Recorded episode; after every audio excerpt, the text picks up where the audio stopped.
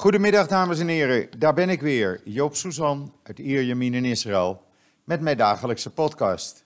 Nou, nou, nou, dit wordt uh, een uh, sensationele podcast, althans sensationeel. Uh, ja, een aantal hele belangrijke dingen gebeuren hier op dit moment in Israël. Ehm, maar laat ik het eerst even over het weer hebben, want het kurkdroge weer wat we hebben, de luchtvochtigheid is bijzonder laag. Overdag is het, uh, nou, het is nu zo rond de 25 graden, strak blauwe lucht en een sterke oostenwind nog steeds.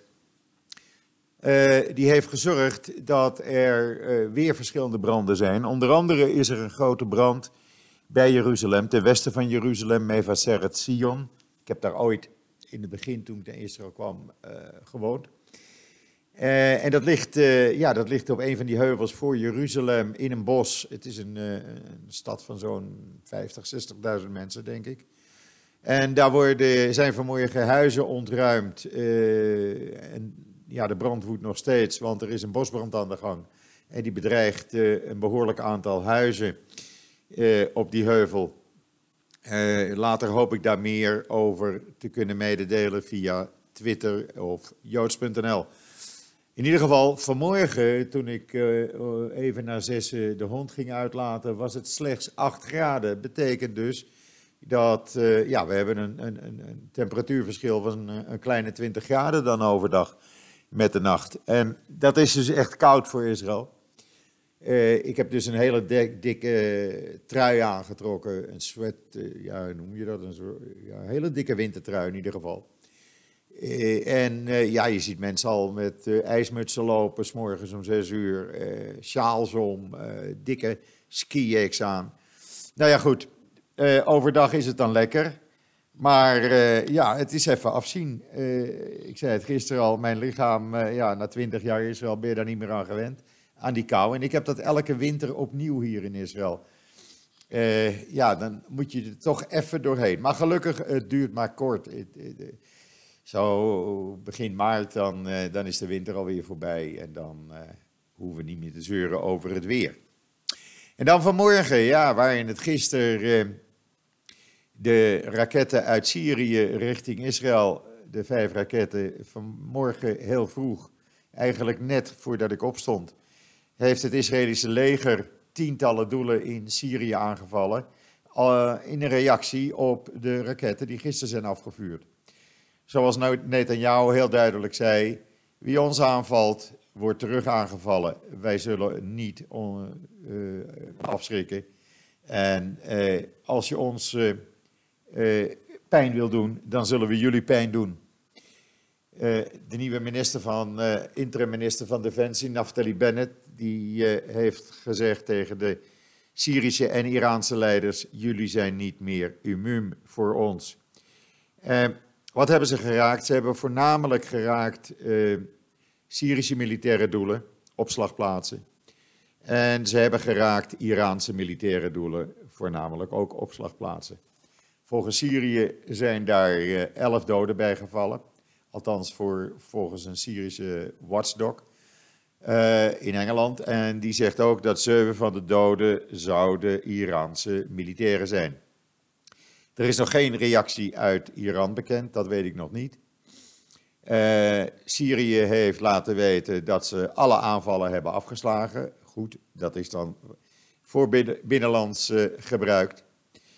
Uh, de IDF heeft inmiddels gezegd: we zijn klaar voor drie scenario's. Geen reactie, een kleine reactie en een meer significante reactie, met andere woorden, een totale oorlog. Dat risico zit er natuurlijk in. Uh, ze hebben ook niet, zover bekend, de Russische luchtdoelraketten, de S-300, aangevallen. Uh, wel ander luchtdoelgeschut in uh, gebruik bij het Syrische leger. de doelen bevonden zich allemaal binnen een straal van 80 kilometer van de grens met Israël, dus vanaf de Golan gerekend. En waren met name rond Damascus en het Syrische gedeelte van de Golan. Uh, ja, hoe dat verder gaat, uh, ik zou het u niet kunnen zeggen. U kunt op uh, joods.nl een filmpje zien van een van die aanvallen bij Damascus. En dat gaat er behoorlijk heftig aan toe. Uh, we wachten het uh, gewoon af. Ja, het is hier altijd never a dull moment, zeg ik dan. En je wordt er een beetje laconiek onder, alhoewel dat ook niet goed is natuurlijk. Maar ja, je hoort zo vaak over dit soort aanvallen.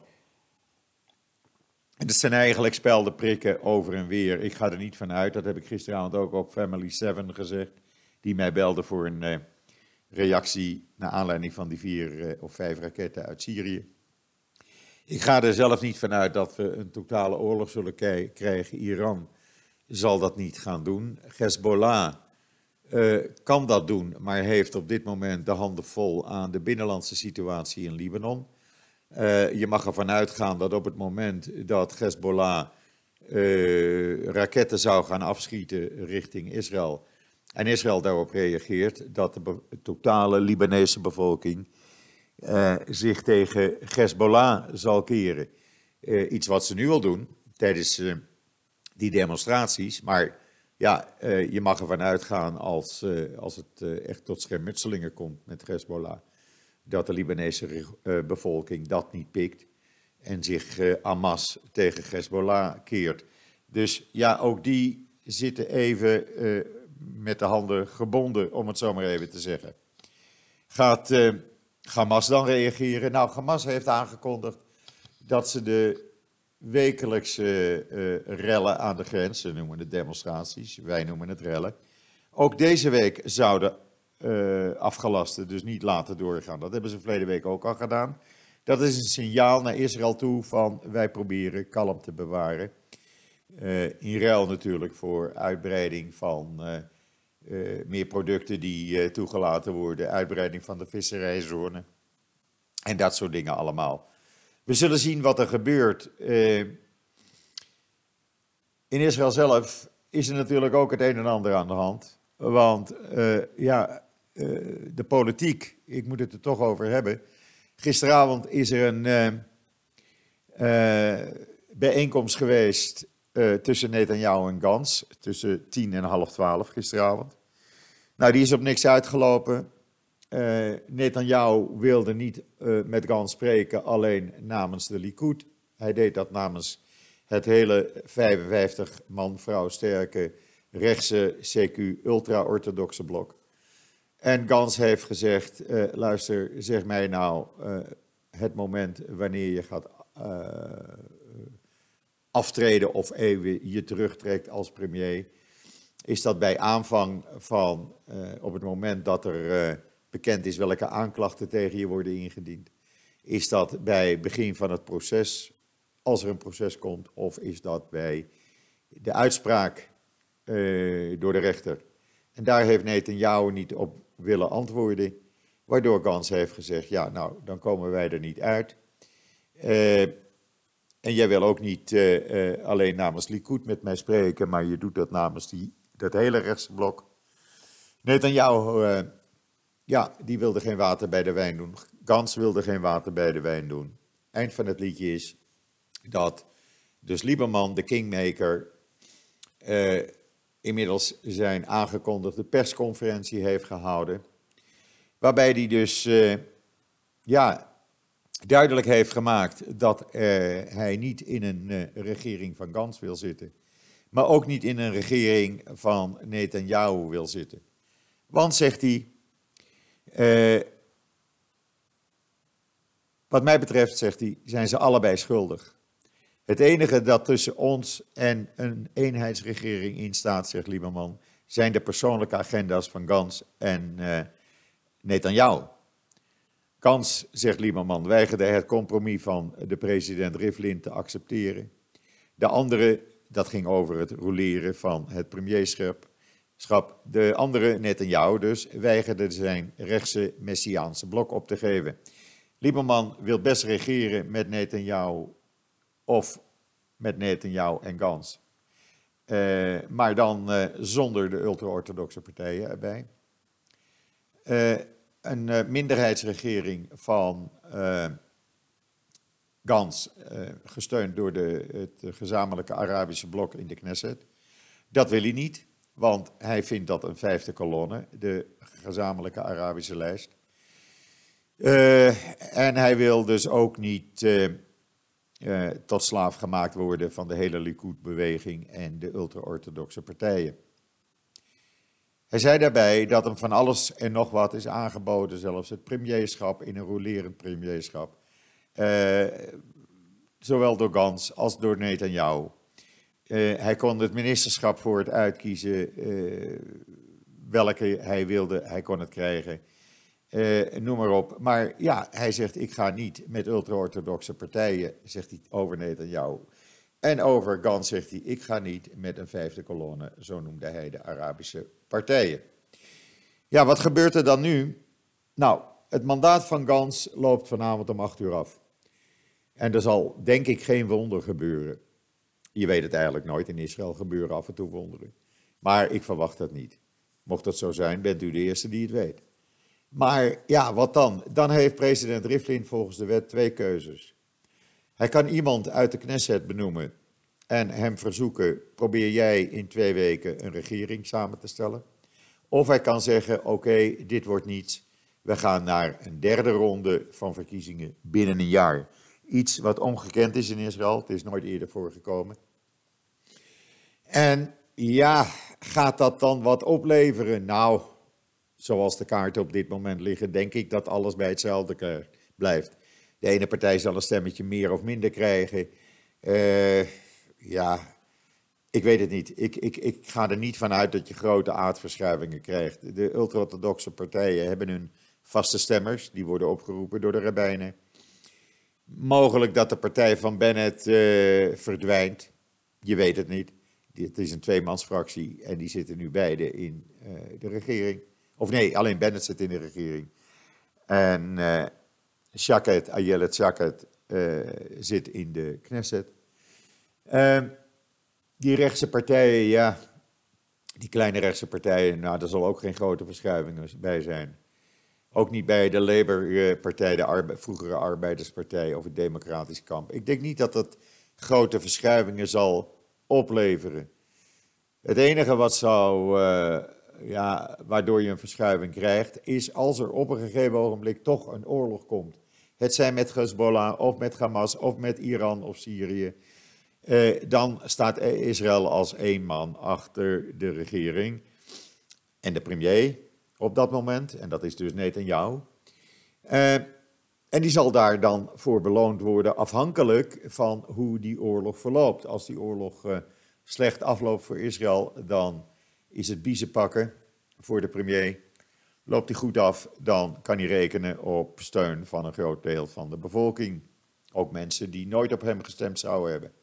Dus u begrijpt, ja, het is een hele rare situatie. Uh, uh, en eigenlijk kan het land dit helemaal niet hebben met alle veiligheidsspanningen, met een begroting waarvan het tekort oploopt, met de ziekenhuizen waar uh, de mensen in de hallen, in de, in de gangen moeten slapen.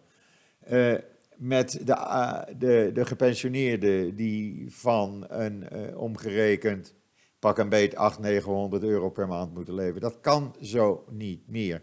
Alle beloftes die tot nu toe zijn gedaan door de zittende regering Netanyahu worden niet nagekomen. En er moet dus iets veranderen. We moeten een regering hebben. En ik vind dit een veel ernstigere zaak dan uh, al die schermutselingen met uh, uh, Iran en Syrië.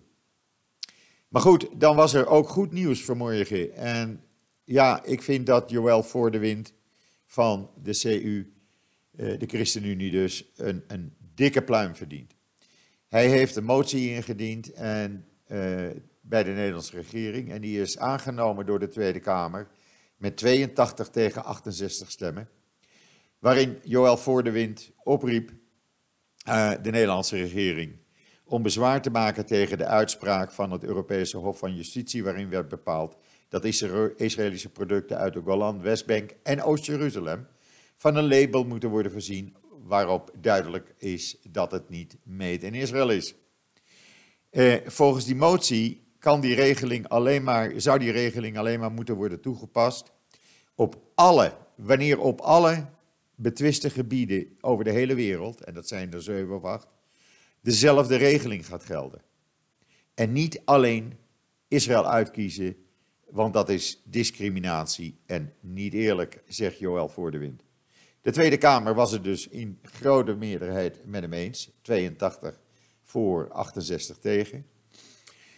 Uh, de, de, resolutie werd gesteund natuurlijk door alle christelijke fracties in de Tweede Kamer en ondersteund ook door de regeringscoalitie. Uh, het geeft een sterke steun, zeiden die diplomaten, uh, van deze resolutie, van deze coalitie in de Tweede Kamer, die hierachter staat, naar de Nederlandse regering toe. Van je moet dit niet zomaar terzijde leggen, want we zijn met zoveel in de meerderheid. Je moet dat uh, gaan uitvoeren. De Israëlische ambassadeur in Nederland, Naor Gilon, die bedankte meteen de Tweede Kamerleden voor hun steun en sprak de hoop uit dat de uitspraak van het gerechtshof, als die stand houdt, Nederlandse leiders hun eigen aanbeveling zullen aannemen en geen discriminerende resoluties zullen implementeren, uh, zoals deze dus is. Een Israëlische diplomaat vertelde aan de Israëlische kranten dat hij hoopt dat deze resolutie van de Tweede Kamer een voorbeeld is voor andere Europese landen, dat die het Nederlandse voorbeeld zullen gaan volgen. Uh, en de uitspraak van het Europese Hof van Justitie niet zullen gaan uitvoeren. We zullen het zien. Uh, trouwens, dit even terzijde. Hongarije uh, heeft even dwars gelegen tegen de EU-tsaren. Want die heeft gezorgd dat een uh, eh, EU-verklaring niet doorgang kon vinden over de beslissing van Amerika om de settlements niet als illegaal te verklaren. Ehm, dat zo'n dergelijke resolutie moest met 28 uh, eh, stemmen worden aangenomen. Hongarije zei nee, wij doen daar niet aan mee. Wij vinden dat Amerika daar gelijk in heeft en wij steunen Amerika daarin. Dus de EU-tsaren konden niet nog eens een keer tegen Israël aanstaan te schoppen. Maar dat even tezijde. Dan op joods.nl. De jeugdvriendin van Anne Frank, die vertelt hoe een Duitse advocaat uh, haar in, tijdens de Tweede Wereldoorlog het leven heeft gered. We kennen allemaal het verhaal van uh, meneer Schindler. U kent de film Schindler's List. Nou, dit is een vergelijkbaar verhaal, heel bijzonder, waarvan eigenlijk weinig bekend was. Uh, hij schijnt uh, ja, ook honderden, honderden Joden het leven te hebben gered. En ja, die vriendin van Anne Frank, Laurien Nussbaum heet ze nu, maar ze was geboren als Hannelore Klein. En hebben dus bij elkaar in Amsterdam gewoond. Ze zijn op de Schelde school geweest. Ja, die, uh, dat levensverhaal staat dus nu op joods.nl met foto's. En ik vind het echt, u moet dat lezen. Het is een heel bijzonder verhaal. Ik kende het verhaal niet. Het is voor het eerst dat ik het las. En daarom heb ik het ook op joods.nl gezet. En dan, Israëlische onderzoekers hebben fouten ontdekt bij Google en Samsung camera-apps. Uh, lees het artikel, want velen van u zullen een Samsung of een Google-camera uh, hebben.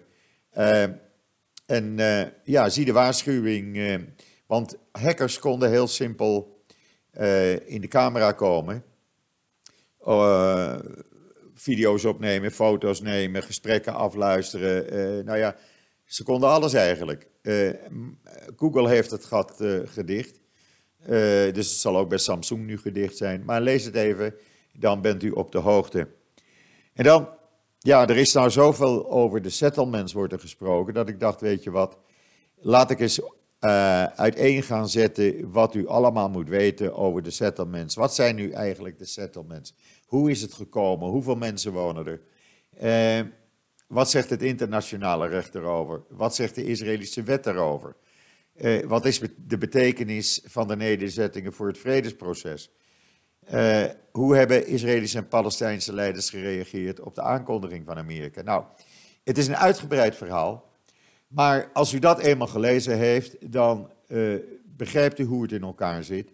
En dan hoeft u niet meer te geloven wat allerlei journalisten in de Nederlandse media u proberen wijs te maken. Dus ja, ik vind het een aanrader. En dan vrijdag begint de gemeente Tel Aviv en een aantal omringende gemeenten met gratis vervoer op Shabbat van vrijdagavond voor Shabbat uh, ingaat uh, tot zaterdagavond als Shabbat eindigt. Er worden een aantal uh, buslijnen in Groot Tel Aviv, waaronder Tel Aviv natuurlijk zelf, maar ook Ramat Hasharon, Givatayim, Kiryat Ono en Tel Aviv dus, zoals ik zei. Mogelijk dat Ramat Gan zich gaat aansluiten. En andere steden, uh, Golon, Batjam, het zou allemaal mogelijk zijn. Uh, het kost een paar miljoen uh, euro, 4 miljoen euro aan de gemeentes in totaal. en dat is dus bedoeld voor mensen die geen enkel vervoer hebben. Het is uniek, het is voor het eerst dat het op zo'n grote schaal wordt gedaan in Israël. Natuurlijk, de ultra-orthodoxe partijen vinden dat maar niks. Maar ja, zegt de burgemeester van Tel Aviv, luister, een heleboel mensen zijn gewoon aan huis gekluisterd. Ook invaliden. Er komt elke uur een invalidebus uh, op die route te rijden. Of een bus waar invaliden in mee kunnen. Dus heel goed verzorgd. Mensen hoeven niet meer thuis te zitten op zaterdag, op Shabbat. Of uh, het alleen maar doen met, uh, met lopen.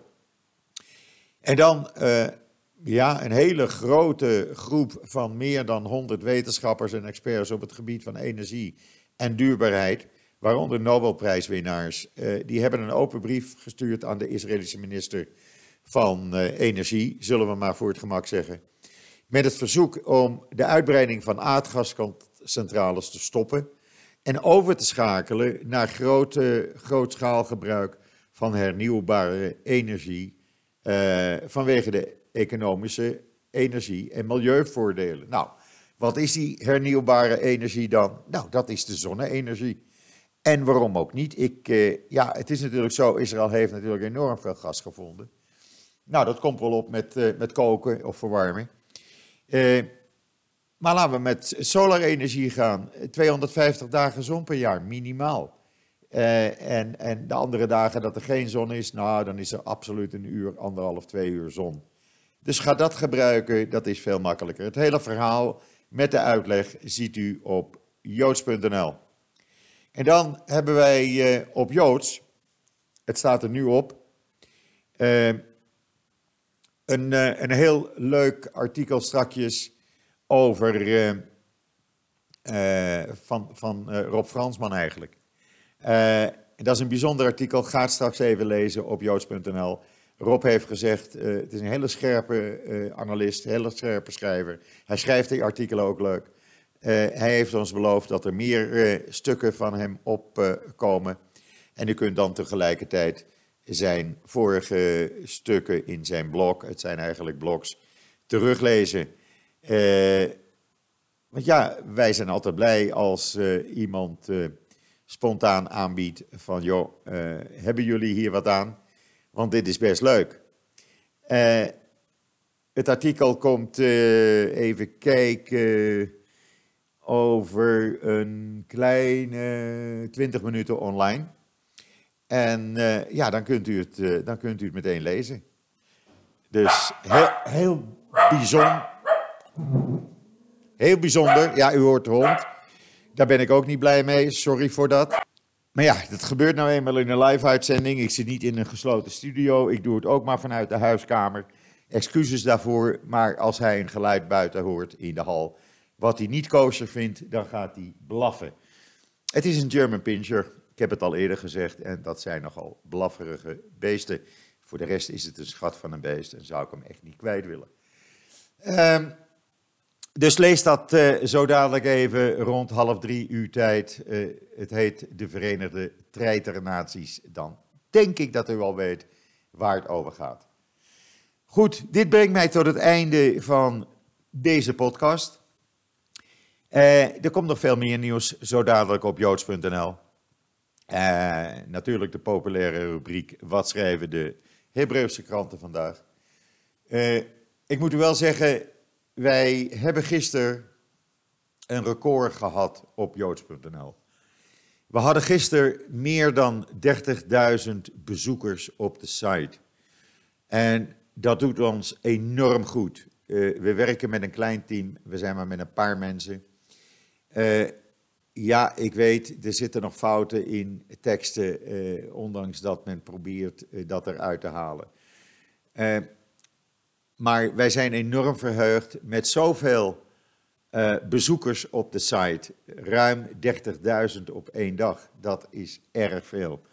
En dat geeft ons ook nog meer kracht om door te gaan, om u nog meer uh, van nieuws te voorzien over Israël, over de Joodse wereld, over uitvindingen.